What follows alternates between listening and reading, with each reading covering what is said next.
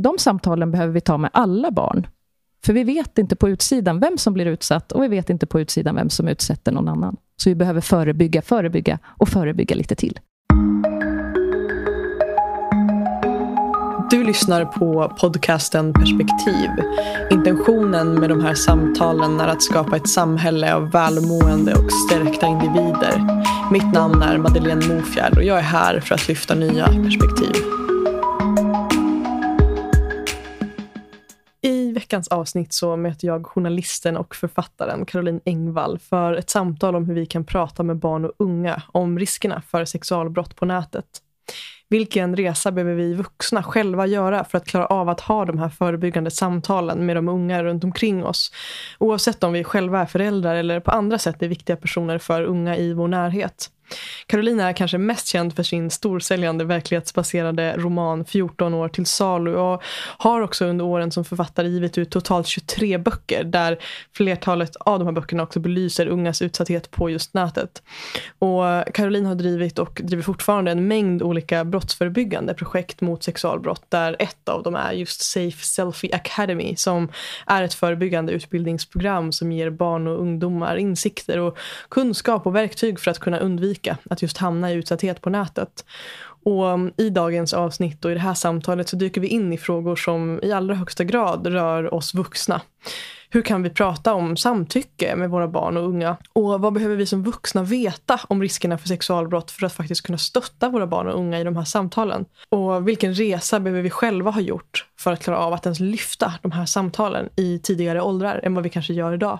Om det är så att du uppskattar det här samtalet och upplever att det här perspektivet behöver spridas till fler människor så skulle det verkligen betyda så mycket för mig om du ville hjälpa mig genom att dela en recension i appen där du lyssnar eller kanske till och med dela det här avsnittet på din story och tagga mig och även Caroline. På det sättet hjälper du mig och Caroline och oss att sprida det här samtalet och det här perspektivet till fler människor.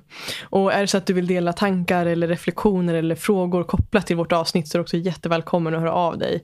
Mitt namn är Madeleine Mofjärd och du hittar mig enklast på Instagram under namnet Mofjärd. Nu är det dags att välkomna Caroline till samtalet. Hej och välkommen Caroline Engvall till podden Perspektiv. Ja, men tusen tack, det här ska bli så spännande. Oh, så himla fint. Vi sitter ju just nu eh, i Thailand och det känns eh, ju extra lyxigt att vi får mötas just på den här platsen. Ja, men det gör det. Det här är mitt hem. Det här är vår 24 säsong på ön Kolanta. Och det betyder något alldeles speciellt, den här platsen. Mycket tid för ny energi, nya tankar och ja, men tid att gå på djupet. Fint, fint beskrivet.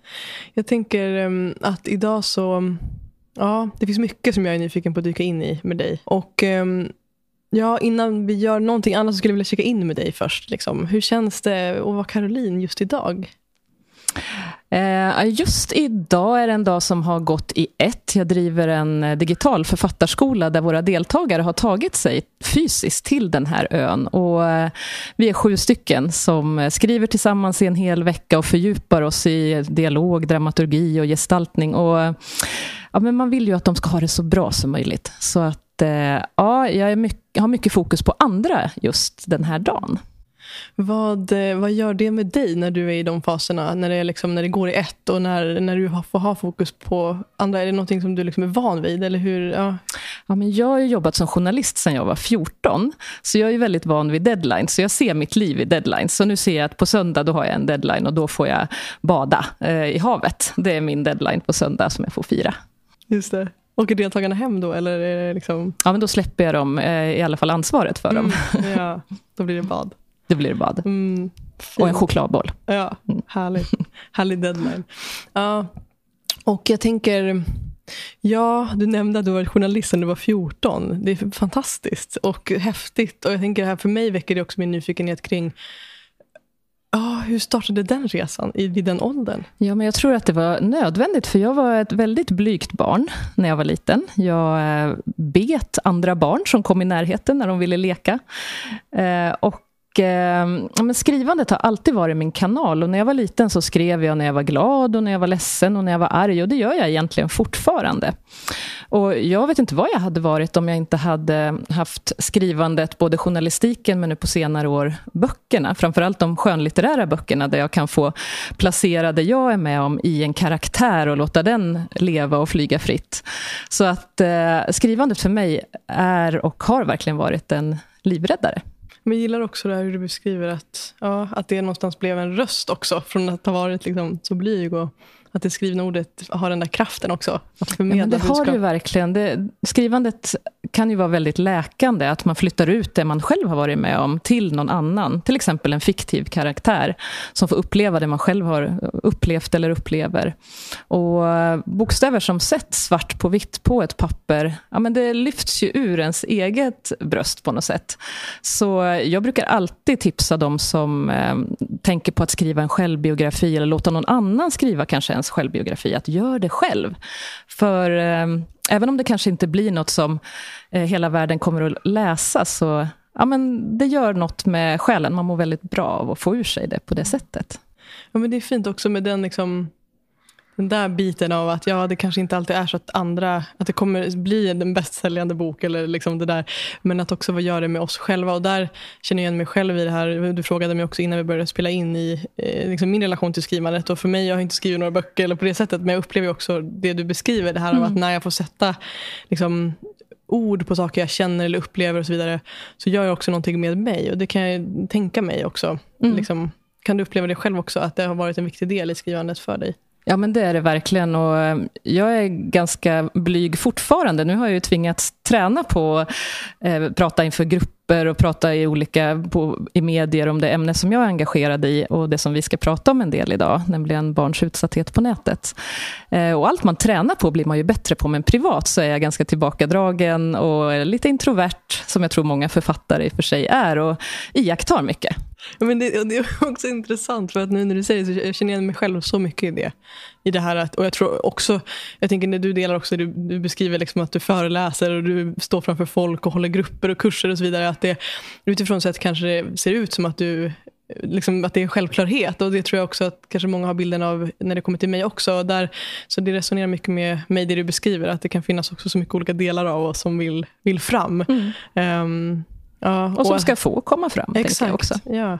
Och att det också kan få vara okej att saker och ting kan kännas utmanande eller läskiga. Men att det också ändå kan vara så starkt förankrat i en mission om mm. någonting. Verkligen. Mm. Jag tänker det, innan vi liksom dyker in i de här frågorna så undrar jag om det finns någonting du känner så här, för det är många poddar och liksom, du varit med i mycket media och sådär. Så många ställer ju den frågan, liksom, berätta om dig själv, vem är du och så vidare. Och jag, jag själv tycker inte om den frågan så mycket. Men det, men det finns ju ändå något intressant i att få, de, liksom, få dela och berätta. Men då tänker jag mer så här, om vi ställer frågan utifrån om det finns någonting i dig som du känner känns viktigt att förmedla som lyssnaren kanske behöver få med sig innan vi dyker in i de här frågorna någonting om Caroline som är liksom, det här är bra att få med sig innan vi kör vidare? Ja, vilken jättespännande fråga och no pressure. Jag har ju verkligen eh, förväntningar här på att vi ska gå på djupet i den här intervjun. Men skämt åsido så eh, ehm, har jag ju ett starkt brinnande engagemang i just frågorna som rör eh, sexualbrott mot barn på nätet och har haft det under många år. Och det kommer ju egentligen från eh, en ganska glättig och ytlig tidningsvärld som jag var en del av eh, under mina sena tonår och eh, en bit in från när jag hade fyllt 20, där jag var chefredaktör på ungdomstidningen Frida. Eh, salig dess minne, lades ner för ett par år sedan. Men vi skrev ju mycket om eh, ja, men mode och artister som var väldigt roligt. Vi fick resa över hela världen. Men eh, det fanns också en annan sida där, där vi mötte många människoöden från unga personer. Och Det var det som jag brann för att vilja föra fram. Mm, och Det var också ett av de breven som kom att bli väldigt omvälvande för min del, från en ung tjej som hette Tessan, som kom från en vanlig familj. Um, hon var duktig i skolan och hon tyckte om att vara i stallet. Men sen när hon var på väg hem därifrån en kväll så blev hon våldtagen av en kille i skolan det här bestämde sig Tessan för att hon aldrig skulle berätta om. Men hon berättade om det för mig, en okänd person på en en tjejtidning. Och när jag fick det här brevet så kände jag direkt att jag liksom inte kunde släppa henne. Så vi höll ju kontakt under många år och jag trodde faktiskt inte att hon skulle överleva det som hon var med om. För hon sökte kontakt med många som eh, gjorde illa henne. För att hon ville dämpa sin ångest, för att hon ville ta kontroll över situationen. Och hon la också all skuld på sig själv i och med att hon tog många egna initiativ. Och Den frågan har ju följt mig under alla de här åren. Hur vuxenvärlden fortsätter lägga skuld på brottsoffer i att man ibland pratar också med väldigt unga barn om men varför gjorde du det där när du visste att du inte skulle? Eller, um, och på det sättet hindrar berättelser från att komma fram. Och Det här kan vara små, små kommentarer som sätter sig i barn väldigt tidigt. Och En del av det som jag brinner för att bland annat föra fram i sociala medier och de plattformar som jag har eh, eh äran att prata om det här i bland annat den här podden är ju hur kan vi vuxna prata med våra barn på ett icke skuldbeläggande sätt och bli de vuxna som barn vill berätta för. Ja, exakt. Och det är det, ja, Ja, precis. Just det här att hur kan vi vuxna bli de som också kan ta de här samtalen? För mm. det tänker jag också kräver någonting av oss vuxna. Och det kräver så mycket. Det kräver tid och nyfikenhet och ett engagemang utöver det vanliga. För det gäller ju inte bara att ställa frågor utan också våga och orka ta vara på svaren. Ja, men jag kan tänka också att det kan väcka en del liksom skam. Jag har inte själv barn, men att som förälder till exempel, vad händer om jag får reda på att det här har hänt mitt barn? Att, att man så gärna kanske vill att här, nej, men allt ska vara bra. Liksom. Mm. Vad händer om vi får reda på att någonting har hänt? Eller, ja. Men jag tänker det, du beskrev det här hur, hur Tessan, sett hon så, Tessan, mm. eh, hörde av sig till dig och att det här brevet och kontakten med henne också, det blev ju också en bok och, eh, liksom, och har också fött den här drivkraften i dig att få vara den här rösten som också lyfter de här frågorna mm. och, och så vidare. Jag tänker, finns det liksom fler lager till det där du kan se att den drivkraften kommer ifrån? För jag tänker, brevet var en sak, men det hade också kunnat nå en människa som så här, ja det här var en, en stark berättelse men jag behöver också fortsätta med det jag gör. Liksom. Vad, kan du se liksom, något annat lager till varför det är så starkt i dig, den här drivkraften? Ja, men jag kände, alltså, direkt när jag fick det här brevet och mötte den här tjejen så var det en värld som var så otroligt långt ifrån både min uppväxt och de vänner som jag hade växt upp med. För jag har haft en, en väldigt trygg barndom och eh, som jag tror har räddat mig på många sätt eh, i mitt vuxenliv från olika situationer. Eh, men Tessans rop på hjälp som det här brevet faktiskt var och när boken 14 år till salu sen kom eh, ett decennium senare när vi skrev hennes historia, så visade det sig att det fanns ett enormt stort behov av den här berättelsen. I att det här var ett väldigt opratat ämne. I att man sökte upp sina egna förövare. Och de vuxna som hade kommit i kontakt med då eh, förstod inte mekanismerna bakom. Att det fanns en skärva där inne i själen som behövde bekräftelsen just då. Man behövde höra att man var fin eller duktig. Eller å andra sidan få bekräftelse på att man var värdelös, som man kanske också tyckte. Ehm, eller att det handlade om ersättningen, eller att det faktiskt hade hänt någonting i livet. Ett trauma som man bar på, som man sen försökte ta kontroll över, vare sig det var ett övergrepp, svår skilsmässa, dödsfall i familjen. Ehm, och jag vet att jag, när 14 år till salu kom, så var jag gravid med mitt första barn. Han är 14 idag och jag satt i tv-soffan med stor mage och föreläste i Globen faktiskt strax efter han hade fötts. Jag har aldrig föreläst på ett så stort ställe någonsin. Jag skulle göra det på engelska också, wow. för professorer från hela världen. Oj, oj, oj, det var så nervös. Men där mötte jag verkligen eh, personer som hade jobbat med övergreppsfrågor i många år och sa att det här är någonting helt nytt, vi har aldrig pratat om det.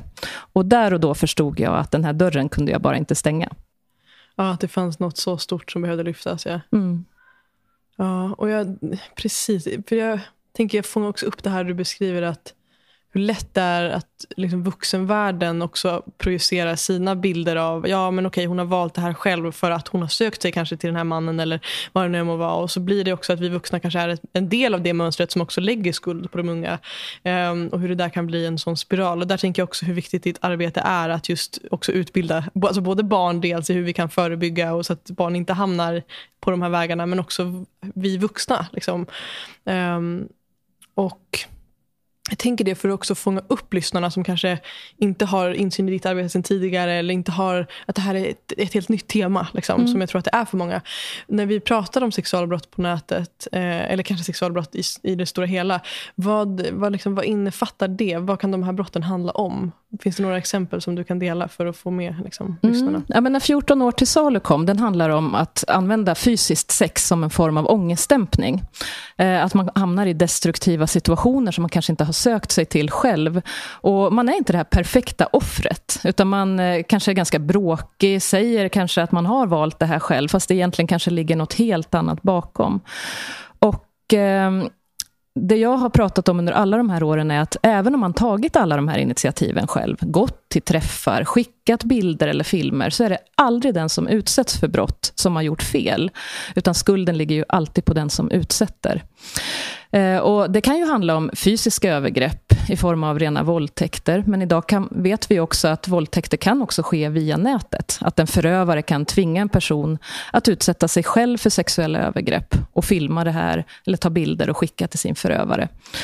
Eh, och det här är ju en del av den här skalan eh, av de grova sexualbrotten, men det finns ju även brott som sexuellt ofredande, att barn och unga och andra tvingas ta emot avklädda bilder som de absolut inte har bett om, och som fyller deras inkorgar och, eh, i deras sociala medier, och som har blivit en vardag för dem. Och det jag också pratar med barn och unga om, och vuxna när jag möter dem, är ju att det här är ett brott. Du ska inte behöva stå ut med det här, utan du kan polisanmäla och berätta för en vuxen som du litar på. Rör det sig ofta om att det är liksom vuxna människor eller kan det också handla om jämnåriga som utsätter varandra för saker? Eller vad är liksom vanligast och vilka åldrar pratar vi om? Ja, det som kan vara nytt för många är att faktiskt hela 30 procent av de övergrepp som begås, begås av jämnåriga mot andra jämnåriga. Och ibland i medier, och framförallt sociala medier, så skriks det ju mycket om pedofiler och snusgubbar. Att eh, de som förgriper sig på barn har någon form av sexuellt tändningsmönster mot barn. Men faktum är att det handlar om, ofta om helt andra saker. Om makt. Att man använder eh, sin... Eh, att man använder olika medel, till exempel erbjuder ersättning, men också bekräftar, smickrar, men också hotar för att få det man vill ha. Och Det här kan vara väldigt svårt för barn att stå emot. Så vi har våldtäkt å ena sidan, vi har sexuella övergrepp på andra delen av skalan, men däremellan har vi också grooming, alltså kontakt med barn i sexuellt syfte. Vi har eh, olaga hot, många förövare som använder grova hot för att komma dit man vill, väldigt effektivt. Utnyttjande av barn för sexuell posering, att man på olika sätt försöker få barn att eh, posera sexuellt och skicka bilder och filmer. Men också barnpornografibrott som är ganska vanligt idag att barn utsätter andra barn för. Att man får ta emot bilder och filmer eh, som föreställer övergrepp på barn, till exempel i Snapchat. Så skickar man det vidare till kompisar för att skämta eller att man vill visa. Och eh, Det här är viktigt också att visa barn var gränsen går, så att de inte heller utsätter andra för övergrepp. Men jag tänker det också, alltså hur, jag hörde dig också prata i någon tidigare, en annan podd om just det här hur hur eh, långt ner i åldrarna som det här också sker. Och det var också åldrar där jag blev helt liksom chockad. Eh, ner mot fem år, eller vad mm. du nämnde, vad är det? Fem, fem ja. Liksom, ja, men så fort se. barn eh, är läs och skrivkunniga egentligen, så är de ju exponerade för förövare som är väldigt duktiga på att prata med barn på barns vis. Och förövarna kan vara äldre och okända. Eh, men de kan också vara jämnåriga och kända för barnet. Eh, och det vi vet om förövarna är att de är väldigt duktiga på att med olika småmedel locka barn. Och det här kan vara självklart för oss vuxna, att man givetvis inte ska gå på att någon säger att jag ska döda dina föräldrar om inte du skickar en bild på din rumpa. Men för barnen som sitter i den situationen så kan det vara väldigt lätt att bli rädd, att gå med på det som förövaren vill. Och så är man inne i en snabbt nedåtgående spiral som är väldigt svår att ta sig ur på egen hand.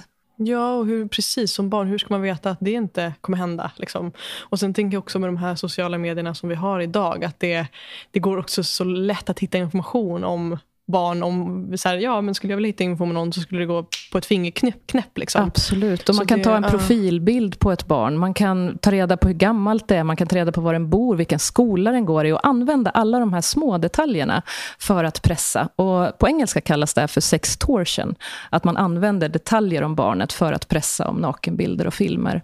Så steg ett för vuxna är ju att veta att det här existerar och alla barn kan drabbas. Och jag upplever ofta att de barn som är ganska väluppfostrade, de har blivit eh, lärda hur man ska göra på nätet, vad man får och inte får göra. Det är ofta de som drabbas allra hårdast. Och också de barn som vet att de behöver skydda sina föräldrar från det här, för annars råkar barnen själva i trubbel. Så eh, att vi vuxna visar för barn att det här är någonting som jag kan någonting om. Jag finns här för dig när du är redo att berätta. Och eh, aldrig, aldrig lägga skulden på barnet. Där har vi en bra start. Ja, och jag tänker det finns det något, så jag tänker du möter både barn men också vuxna i olika kontext. Finns det något missförstånd eller mm, liksom någon bild eller så här, finns det något mönster du kan se i vilka sanningar människor går runt med? Men framförallt tänker jag väl då kanske vuxna, som vi vuxna går runt med vissa valda sanningar eller idéer om det här eh, som du upplever behöver skifta eller någonting ja, som vi har fått massor. Om, bakom, vad heter det? bakom foten. Bakom, ja. bakom foten har man får det också. jag är bra på att hitta på och egna. Bakfoten. bakom foten. Idag sa jag att man kan lägga fingrarna i blöt. Ja. Så att vi är bra på att hitta på. Absolut kan man göra. Eller sin näsa, vad som helst. Mm. eh, jo, valda sanningar om, eh, om eh, vilka barn som drabbas. Absolut. Jag upplever fortfarande efter alla de här åren att många vuxna tänker att det här gäller inte mina barn. Det här drabbar inte barn i ett speciellt typ av bostadsområde. Ehm, det drabbar bara tjejer. Men det här kan drabba precis vilket kön som helst. Och barn från vilken samhällsklass som helst. För internet vet ju inga gränser och förövarna kan finnas nära barnen. De kan finnas i samma stad, de kan finnas i samma land eller så kan de finnas utomlands. För eh, alltså, så fort vi ger våra barn tillgång till den här fantastiska världen, för jag älskar nätet, annars hade ju inte vi träffats. Exakt, yeah. Och många andra fantastiska fördelar för barn, där de kan hitta gemenskap, där de kanske inte, ja, men som jag kände mig så hemma i den fysiska världen. Eh, där behöver vi också veta att hela den här fantastiska världen har också förövarna tillgång till och direkt ingång till våra barn. Och det behöver vi rusta barnen för. Och Vad tänker du då, liksom när vi tänker på det här med vilka samtal vi, ska, vi vuxna behöver ha med våra unga? Vad, vad tänker du att de här, här alltså vad är det för typ av samtal vi behöver börja ha? Och Jag säger börja för jag tänker att på många platser så har, har vi inte ens börjat ha de här samtalen. Ja, och att bara börja är ett jätteviktigt steg och det kan vi göra väldigt tidigt. Förövarna är duktiga på att jobba med barn med hemligheter. Att säga att ja, men det här är din och min hemlighet, dina föräldrar tror det inte och sådana saker. Så att tidigt, redan när barnen är i förskoleåldern, lära barn skillnaden mellan bra hemligheter och dåliga hemligheter. Och att en bra hemlighet, till exempel en, något som känns bra i magen, en födelsedagspresent eller vem man är kär i, det kan också gå över till en dålig hemlighet. Där en person kanske visar sig vara någon helt annan. Och den man var kär i kanske plötsligt börjar be om saker som man inte vill. Och då får man faktiskt, om hemligheterna gör en rädd eller ledsen, får man faktiskt berätta om dem, fast någon har sagt att man inte ska. Och det här kan man ju behöva påminnelse om även när man är ett större barn, eller till och med en vuxen. Gud, vad, wow, vad häftigt det blev. Ja, alltså just det här att det går upp för mig att och som du var inne på tidigare, alltså de allra mest väluppfostrade barnen kanske har lärt sig då hemifrån att men, hemligheter de behåller man, liksom, de delar man inte. Det gör eh. man och man är artig. Man Precis, är alla till ja. lags, man gör mm. inte någon besviken. Mm. Och plötsligt befinner man sig långt inne i en konversation med en förövare som man inte har makt att dra sig ur. För eh, det har gått alldeles för långt. Mm. Så vi behöver helt enkelt eh, lära våra barn att när som helst så får man, utan att säga hej då, bara dra sig ur en konversation. Man eh, får göra det och man får också berätta för en vuxen. Ja, och jag tänker det, alltså för att jag upplever också att många vuxna människor har ju kanske inte själva gjort en resa i sig själv för att överhuvudtaget ens kunna titta på de här sakerna eller våga lyfta de här samtalen med sina barn. Man kanske inte ens har samtal med sina barn om mer saker än hur har det gått i skolan idag. Liksom. Det kanske inte finns så mycket mer eh, djup än så. Och Då tänker jag också att klivet till att börja prata om de här sakerna kan vara väldigt stort. Eh, och Då blir jag också nyfiken på vad du tänker att vi som vuxna behöver också, vad vi behöver göra för jobb med oss själva och bottna i oss för att klara av att ens börja nysta i de här sakerna eller lyfta de här sakerna med våra barn. Mm, också, också utifrån det här som du var inne på att många kanske tänker den här att Nej, men det händer inte mina barn så vi kan släppa det där. Liksom. Vilken stor och härlig fråga. Jag eh, tänker att vi måste börja se de här samtalen kanske på ett lite annat sätt. För många kallar dem svåra eller otäcka. Jag väljer att kalla dem för livsviktiga samtal. Ehm, det vi kan göra som nummer ett, det är ju dels att skaffa kunskap, vilket du som lyssnar på podden gör just nu. Du har vågat lyssna ända hit. Well done. Ehm, så där är du redan nu ett stort steg på väg. Och också vara tydliga med att själva också sätta gränser gentemot våra barn och andras barn och också respektera deras integritet. Sådana små detaljer i vardagen, som till exempel att fråga dem innan man kanske lägger ut bilder på dem på sociala medier. För hur ska vi kunna lära våra barn att respektera andras integritet på nätet om vi inte respekterar deras? Att börja jobba tidigt med frågor om samtycke. Eh, Fråga dem, givetvis beroende på barnets ålder och mognad, eh, om eh, att vara delaktiga i hur de vill skapa sitt liv. Och ständigt visa att jag blir inte arg. Vad du än har gjort så kan du alltid berätta för mig eller någon annan. Att hjälpa till att liksom servera barnen en palett av kanske fem andra viktiga vuxna som de kan berätta för om det känns för pinsamt eller jobbigt att berätta för den egna föräldern. För det kan ju vara så att när det handlar om sex och kroppen så vill man kanske inte berätta för mamma och pappa, men kanske vill man berätta för kompisens förälder, för skolkuratorn, för idrottstränaren eller en äldre släkting. Så att man visar barnen liksom en väg att här finns det personer som kan vara beredda att lyssna på dig. Fint det där, jag serverar en palett av andra vuxna. Det är väldigt fint beskrivet hur viktigt det också är. Och inte tro att vi ska vara ensamma liksom, mm. med våra barn bara. Um, Ja, du nämnde också det här med samtycke. Och det tänker jag också... Att jag, jag kan också uppleva ibland att det blir lätt det här att vi kanske... Och det är intressant nu också eftersom att jag liksom pratar om det här och jag har inga egna barn. Men jag kan ju ändå liksom se vissa mönster i hur människor... Jag har ju själv varit ett barn och jag har ju liksom alla människor runt mig har också varit barn. Så jag kan utifrån det perspektivet dela hur jag upplever att många människor beskriver det här av att ha varit liten och blivit tonåring till att bli vuxen. Där man kanske aldrig har fått prata med någon vuxen och allra minst med sina föräldrar om till exempel samtycke eh, eller sexualitet eller de här frågorna tills den dagen då det potentiellt kanske så här, föräldern inser att okej, okay, eh, mitt barn är nu byxmyndigt och kommer ha sex snart. Så nu måste jag säga åt den att packa ner en kondom i väskan. Liksom. Ja. Och så blir det den nivån på samtalen. Precis, att man eh, ofta startar uh. de här samtalen lite för sent. Precis, exakt. Och uh, börjar liksom i kaos och katastroftillstånd. När vi egentligen kan börja rusta långt tidigare. För när känslor är upprörda och saker och ting redan har, har drabbat ett barn, eller man eh, det har gått alldeles för långt. Man har fått sin utbildning om sexualitet på andra ställen än från föräldrarna. Till exempel det fantastiska nätet som erbjuder många möjligheter till detta på olika som sätt. Som inte kanske alltid är fantastiska. Nej, helt rätt. Eh, där eh, tänker jag att vi återigen behöver se de här samtalen som livsviktiga. För vi vet ju också att den utsatthet på nätet som barn drabbas av, när de, vet, när de inte vet om de har någon vuxen att berätta för, den kan slå väldigt hårt i form av ångest ångest, oro, skolfrånvaro, depressioner men också rena självmordstankar och självmordsförsök. Och I den bok som jag släppte i höstas som heter Fällan, eh, som är en reportagebok om nätsexbrott mot barn i Sverige. Där gick jag på djupet med många av de största svenska ärendena som gällde just sexualbrott mot barn på nätet. Och Det som slog mig fast jag har jobbat så många år med det här ämnet, var hur extremt fort det kan gå. Från att ett barn drabbas till att det faktiskt inte finns längre. Det kan gå bara på ett par timmar. Och även om jag visste att självmordstankar och självmord är en del av konsekvenserna av den här utsattheten, så grep det ändå tag i mig. Ehm, just hur hjälplösa barnen känner sig när de inser att de här bilderna och filmerna kan alla se alla på min skola, hela min släkt. Eh, de kommer att ligga kvar på nätet i all framtid. Och då kan det vara svårt att se vad man ska ta vägen förutom rakt in i ett mörker? Mm. Exakt. Men det finns så mycket hopp. Exakt.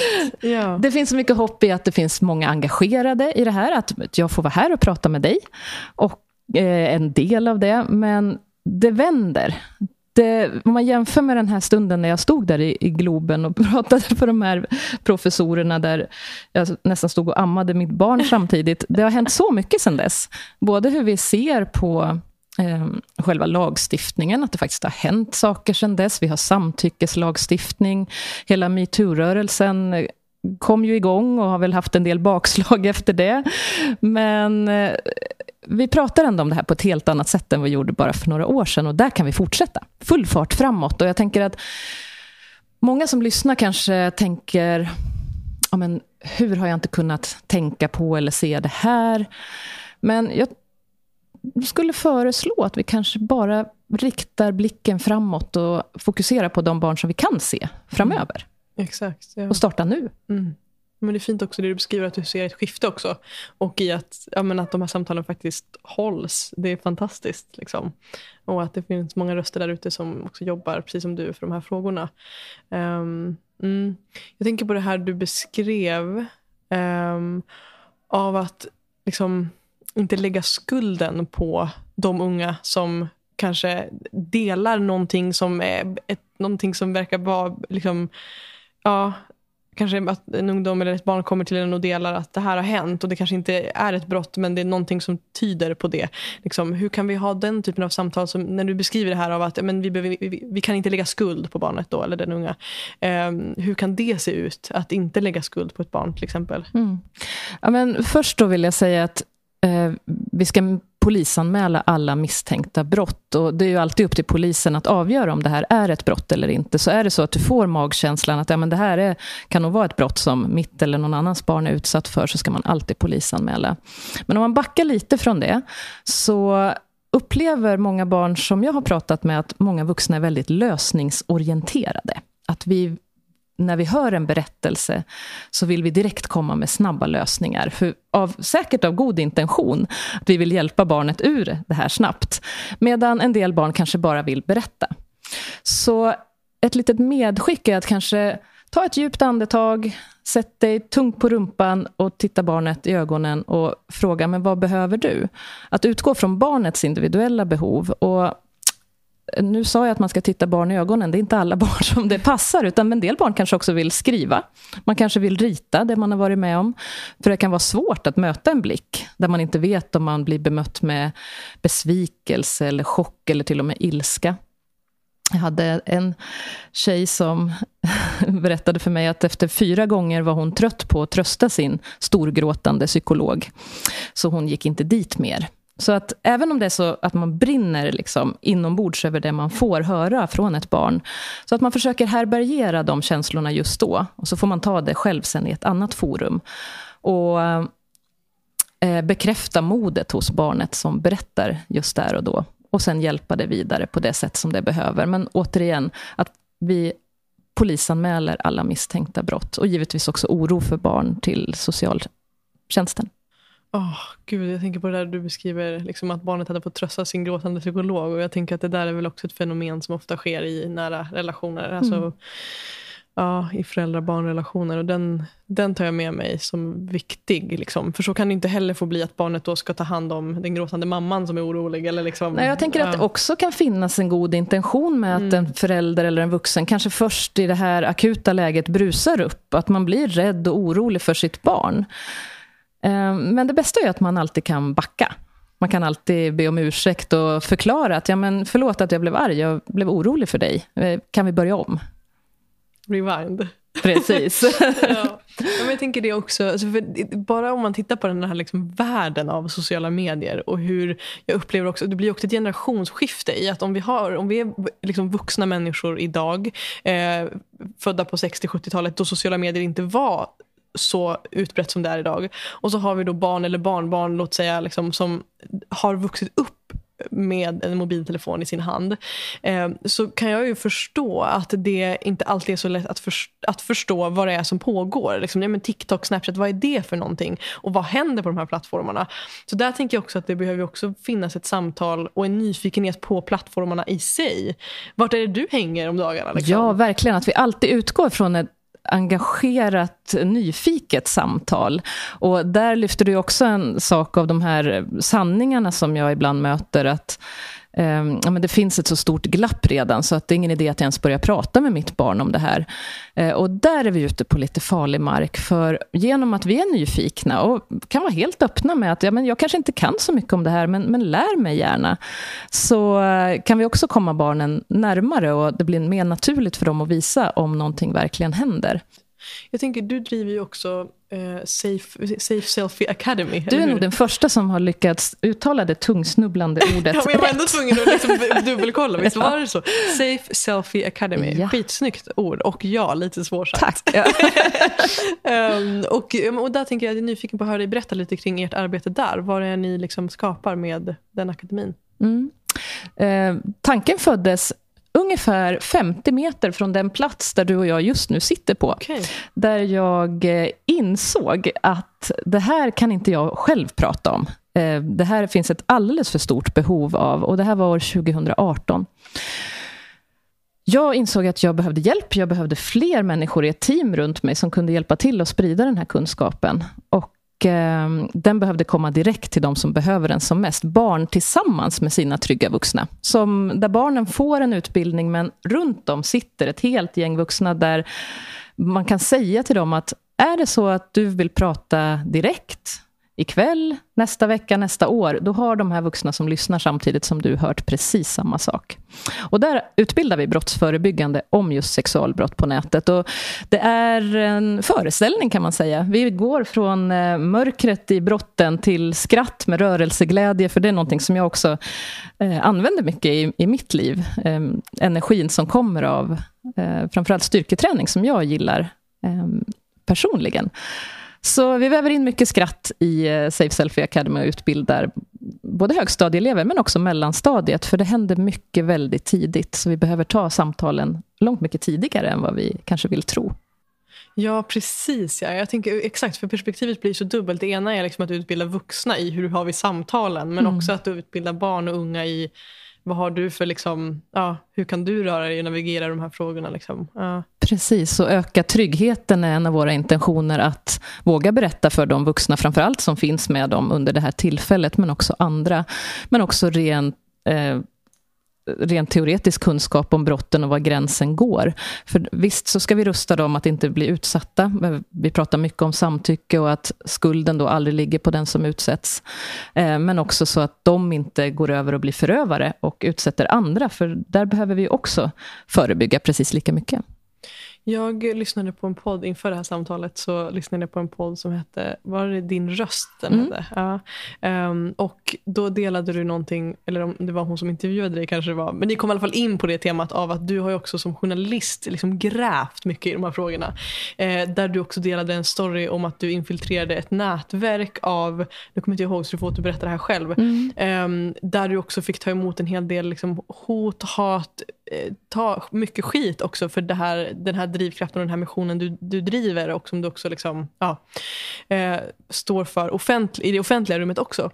Och Det blir jag nyfiken på. Dels om du vill dela lite kring, mm. kring den händelsen som du delade där. Det var en intressant story. Och också hur, du han, hur har du hanterat det, liksom, det blir egentligen två frågor igen, men hur du också hanterat de här det, hat, alltså det motståndet du kanske också mött i att driva de här frågorna. Mm. Ja, men tack och lov så möter jag faktiskt väldigt lite hat och hot. Men precis som du nämner så fanns det en tid när jag grävde mycket djupt i eh, nätverk och bland personer som verkligen inte ville att det här skulle komma upp i ljuset. För jag hade under många år som journalist använt den kunskapen i de böcker jag skrev om svensk sexhandel med barn, eh, i att titta på de här nätverken av ibland högt uppsatta personer som utnyttjar i, det här fallet då flickor med självskadebeteende, som lockade de här flickorna till sig, utnyttjade det faktum att de var precis under eller över rätt åldersgräns eh, och också hittade flickor framför allt. Jag vill också säga att vilket kön som helst återigen kan bli utsatt, men i det här fallet var det flickor. Flickor som inte sa nej, utan som också sökte sig till den här typen av situationer.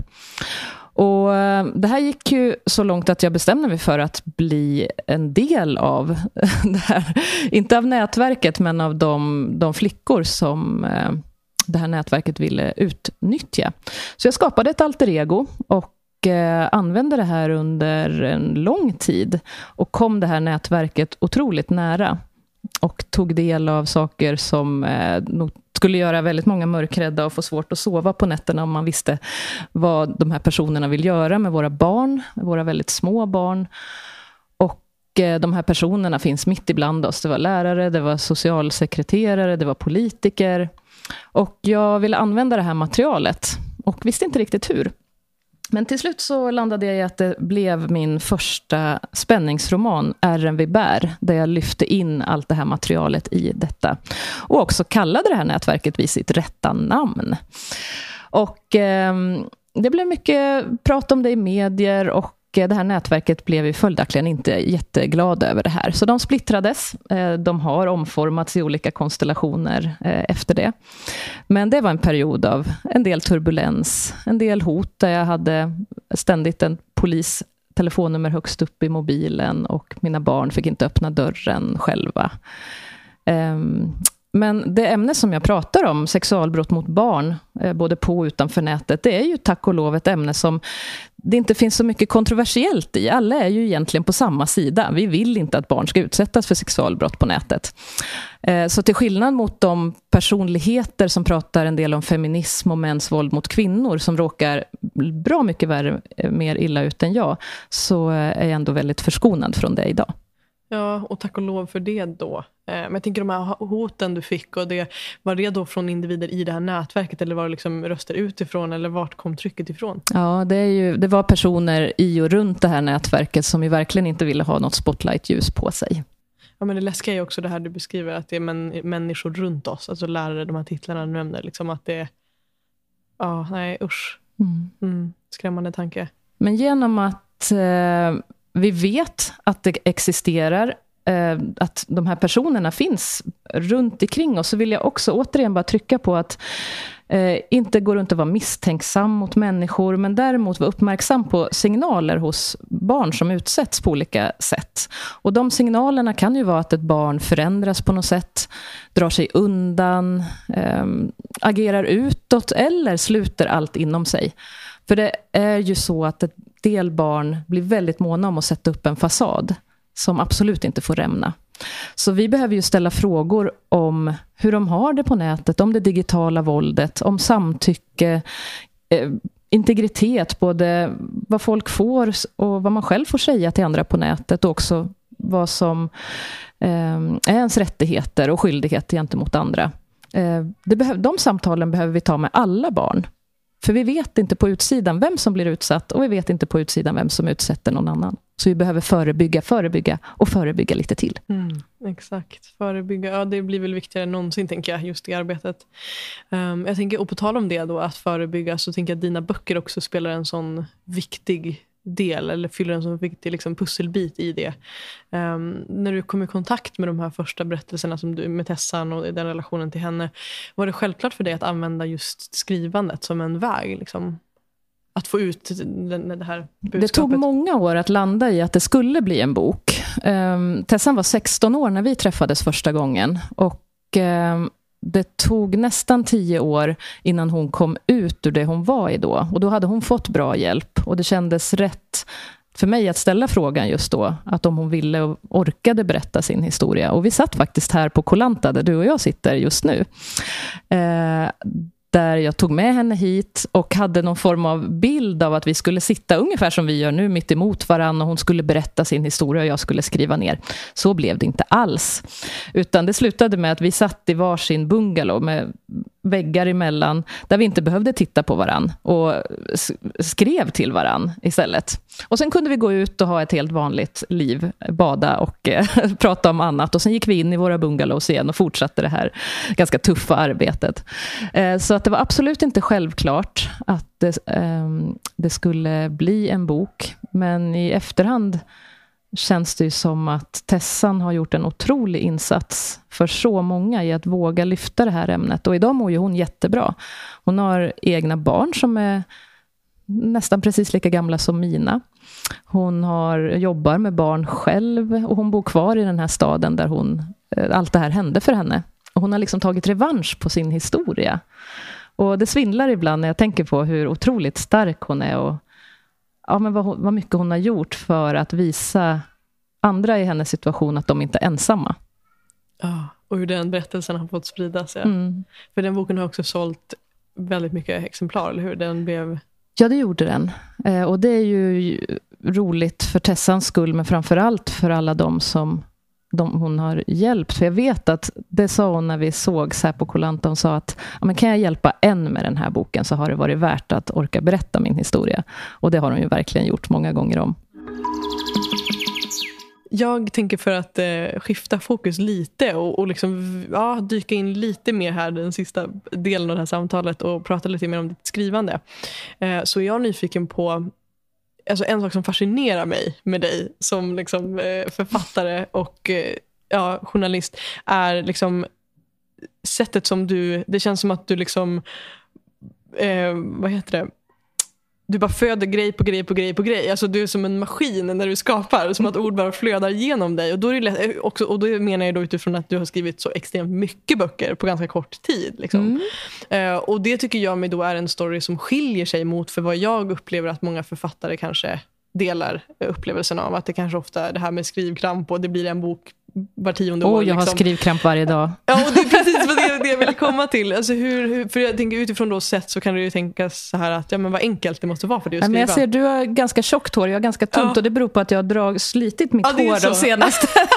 jag får börja skriva lite så jag får slita också. Ja, alltså alla ja. som är skalliga skriver böcker, det skulle jag nog säga, för vi sliter vårt hår. Nej, skämt åsido. Um, jag, jag älskar ju att skriva och jag älskar också att inspirera andra till att hitta berättelser i sig. För just det här flödet är ju så otroligt läkande. När, när man tid och rum bara försvinner. Och man är, ens karaktärer tar en i handen och bara drar en in i en fantasivärld. Och det här kan ju låta otroligt flummigt. Men eh, jag har ju skrivlektioner med ganska små barn också. Bland annat här på Kolanta på skolan. Och det är så häftigt att se när det händer någonting i dem. För av någon anledning så gör vi vuxna, eller skolan, någonting också med väldigt små barn. Vi sätter in dem i någon form av fack där de ska stava rätt och de ska sätta punkt och stor bokstav. Och jag river upp allt det där. Och de får skriva om bajskorvar med glitterhatt och solglasögon som hoppar studsmatta. Och det var bara häromdagen när jag satt i, satt i rummet tillsammans med dem och någon elev som har gått med mig i höstas sa eh, sa ordet bajskorv. Och jag bara märkte att alla andra barn bara stelnade till. Och så tittar de så här, får man verkligen säga det? Och när jag började spinna loss på de här bajskorvarna, hur de dansade ja. och liksom shaka loss till musik. Alltså det hände någonting med de här barnen. Så mer bajskorvar åt folket. Även om jag själv har ganska lite i mina böcker med just detta än. Det kanske blir. Ja, bajskorvsboken. Ja, absolut. Eller så är det den du skriver. Ja, precis. Det är min nästa. på djupet. Tänker, ja, exakt. Djupet om bajskorvar. Nej, det kändes inte helt sådär inte som att det var rätt. Men, men jag gillar ändå, för jag tänker det jag fångar upp det av det blir ju då någon typ av metafor för att också tillåta det kreativa att få finnas utan ja. regler och idéer om hur det ska vara eller borde vara eller måste ja, vara. I fantasins värld då säger vi ja till allt. Allt som mm. kommer till en är bra. Och har det hjälpt dig då, det förhållningssättet tänker jag, i det här skrivandet? För du, du, du har skrivit, vad är det, 20 Ja, alltså, precis. Jag verkar ju ha gjort det, för jag trodde att jag skulle fira 20-boksjubileum i höstas när boken Fällan släpptes. Men sen började jag räkna och då var det ju 23 böcker. Just det, du var ja, för sent Så jag vet inte vad jag ska fira nu, men alltid finns det väl något. 25 snart. Ja, vi kör på det. Um, nej, men jag tror att för att skriva om det här mörkret som det ju faktiskt ändå är, att gräva ner sig i de här ärendena. Jag har ju läst många domar som rör det här, förhör med vittnen och allt som krävdes för att färdigställa boken Fällan framför allt, som var det senaste stora projektet. Eh, för att skriva om det här så krävs det ju väldigt mycket skratt och kreativitet och energi in. Så att det gäller att skaffa sig det på alla sätt man kan. Och skrattet och kreativiteten är ju absolut ett eh, sätt som eh, får flödet att lossa. Mm, fint. Och det leder mig onekligen in på, vi har, jag delade ju det på min Instagram när vi, inför att vi skulle mötas och fick in en del lyssnarfrågor från många som var nyfikna. Så jag har valt ut några som jag tyckte var relevanta också utifrån vårt samtal. Och utifrån det du nu delar och är inne på så tänker jag att jag skulle vilja ställa dig en fråga som var så här. Eh, nu ska vi se. Ja, hur balanserar man sunda relationer till omgivningen och sig själv när man jobbar med och får se så mycket mörker? Ja, det var en bra fråga. Ehm, jag försöker undvika att titta på bilder och filmer, för de sätter sig mycket hårdare än vad text gör.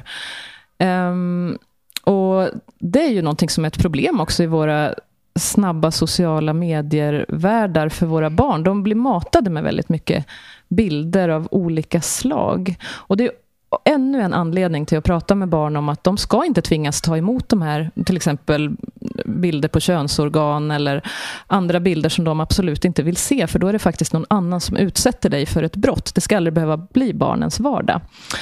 Eh, men jag får ut mycket av det som jag tänker och känner i just de skönlitterära böcker som jag också skriver. Eh, jag skriver ju spänningsromaner där jag lyfter in teman som skuld, hemligheter och skam. För att fler ska förstå hur djupt det kan sitta i generationer tillbaka. När saker inte blir pratade om eller berättade om. Eh, så att det är absolut en av mina kanaler.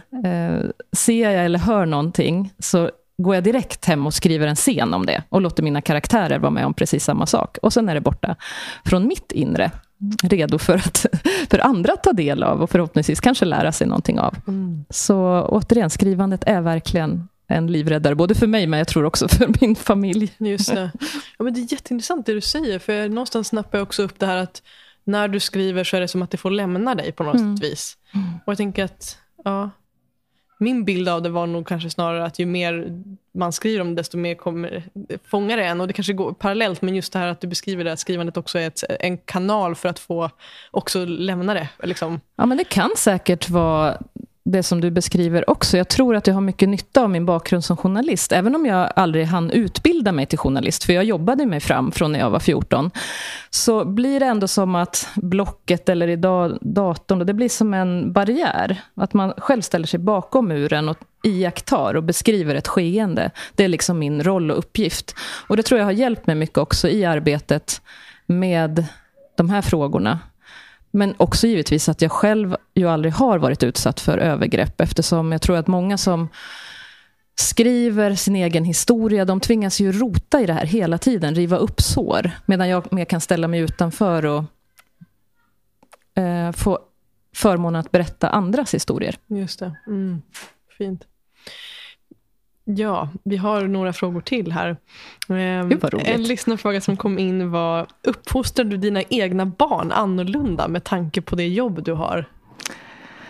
Uh, och du frågar annorlunda mot för vad, så det är ju lite definitionsfråga. Ja. Men, ja. Jo, men uh, jag har tre barn, de är 8, 11 och 14 och de uh, är ju väldigt uppväxta med vad jag jobbar med.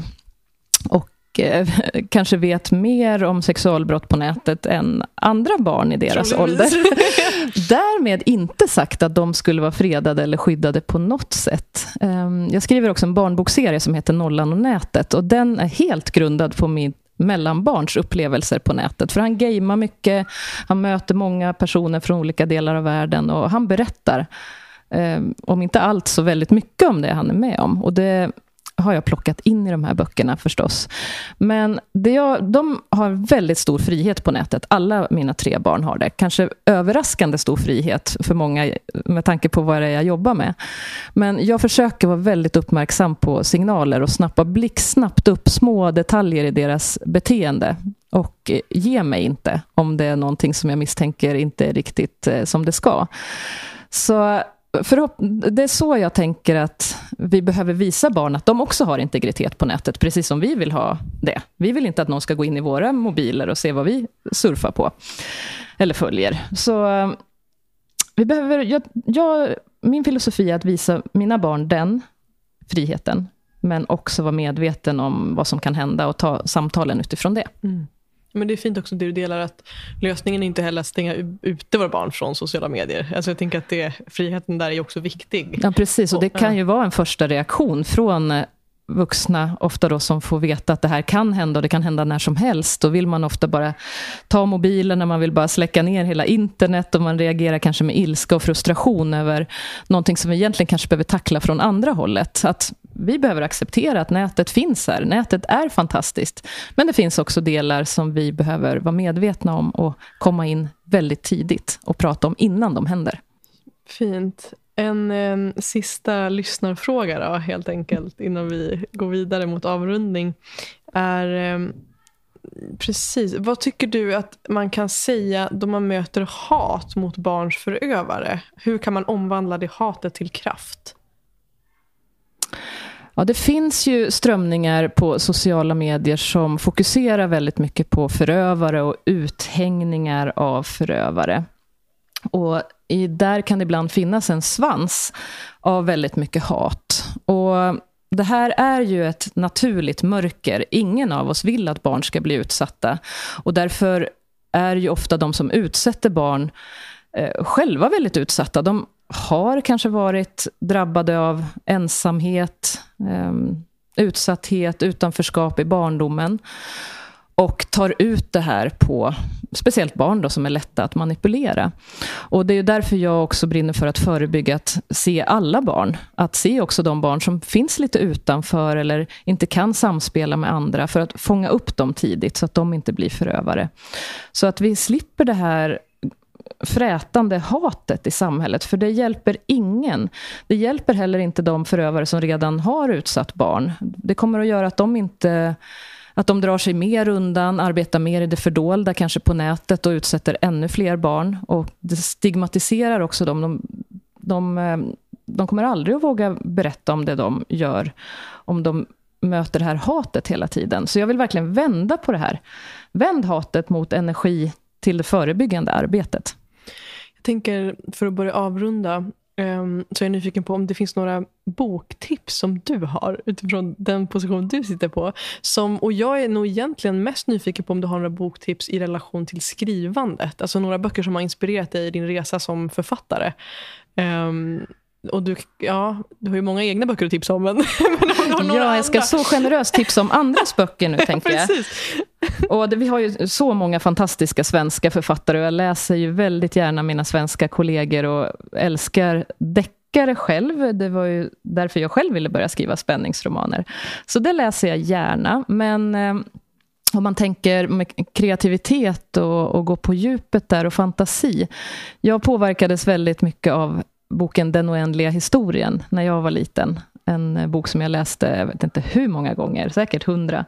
Och Ville var den här pojken som gick upp på vinden, hittade den här boken och kom in i en fantasivärld.